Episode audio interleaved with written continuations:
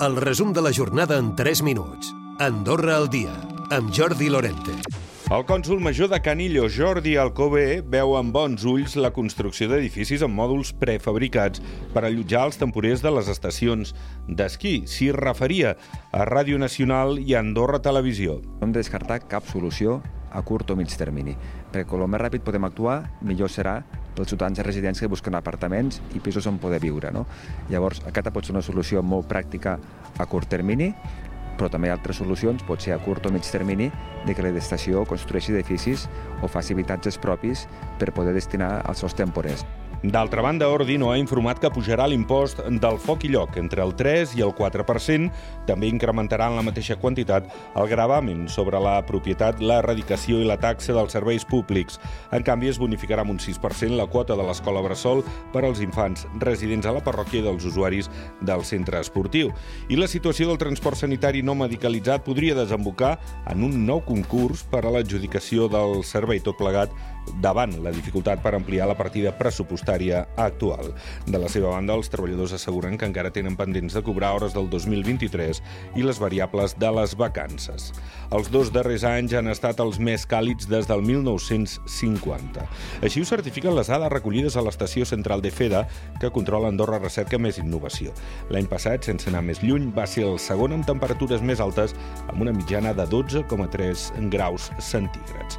La investigadora d'Andorra Recerca més Innovació, Anna Albalat, veu clarament les conseqüències del canvi climàtic en la mà de l'home l'acció de l'home està accelerant aquests canvis. És a dir, el que podem veure abans que es passava en 150 anys, ara ho estem veient amb un temps rècord que està passant. I cada cop tenim cada any que passa tenim rècords de temperatura mensual, per exemple, o rècords de temperatura diària. Llavors, això el que ens està dient és que algo està canviant i sobretot amb la temperatura. L'AICA reconeix que la gatera està saturada i que acull 130 felins quan la capacitat màxima és de 120. Afirmen que en els darrers anys hi ha hagut molts abandonaments perquè és més complicat trobar un pis on tenir un animal. També demanen a l'executiu que acceleri les reformes de la instal·lació, que ja ha rebut crítiques de diversos animalistes perquè els equipaments, diuen, no són suficients suficients. Ses majestats, els reis d'Orient, estan arribant al país.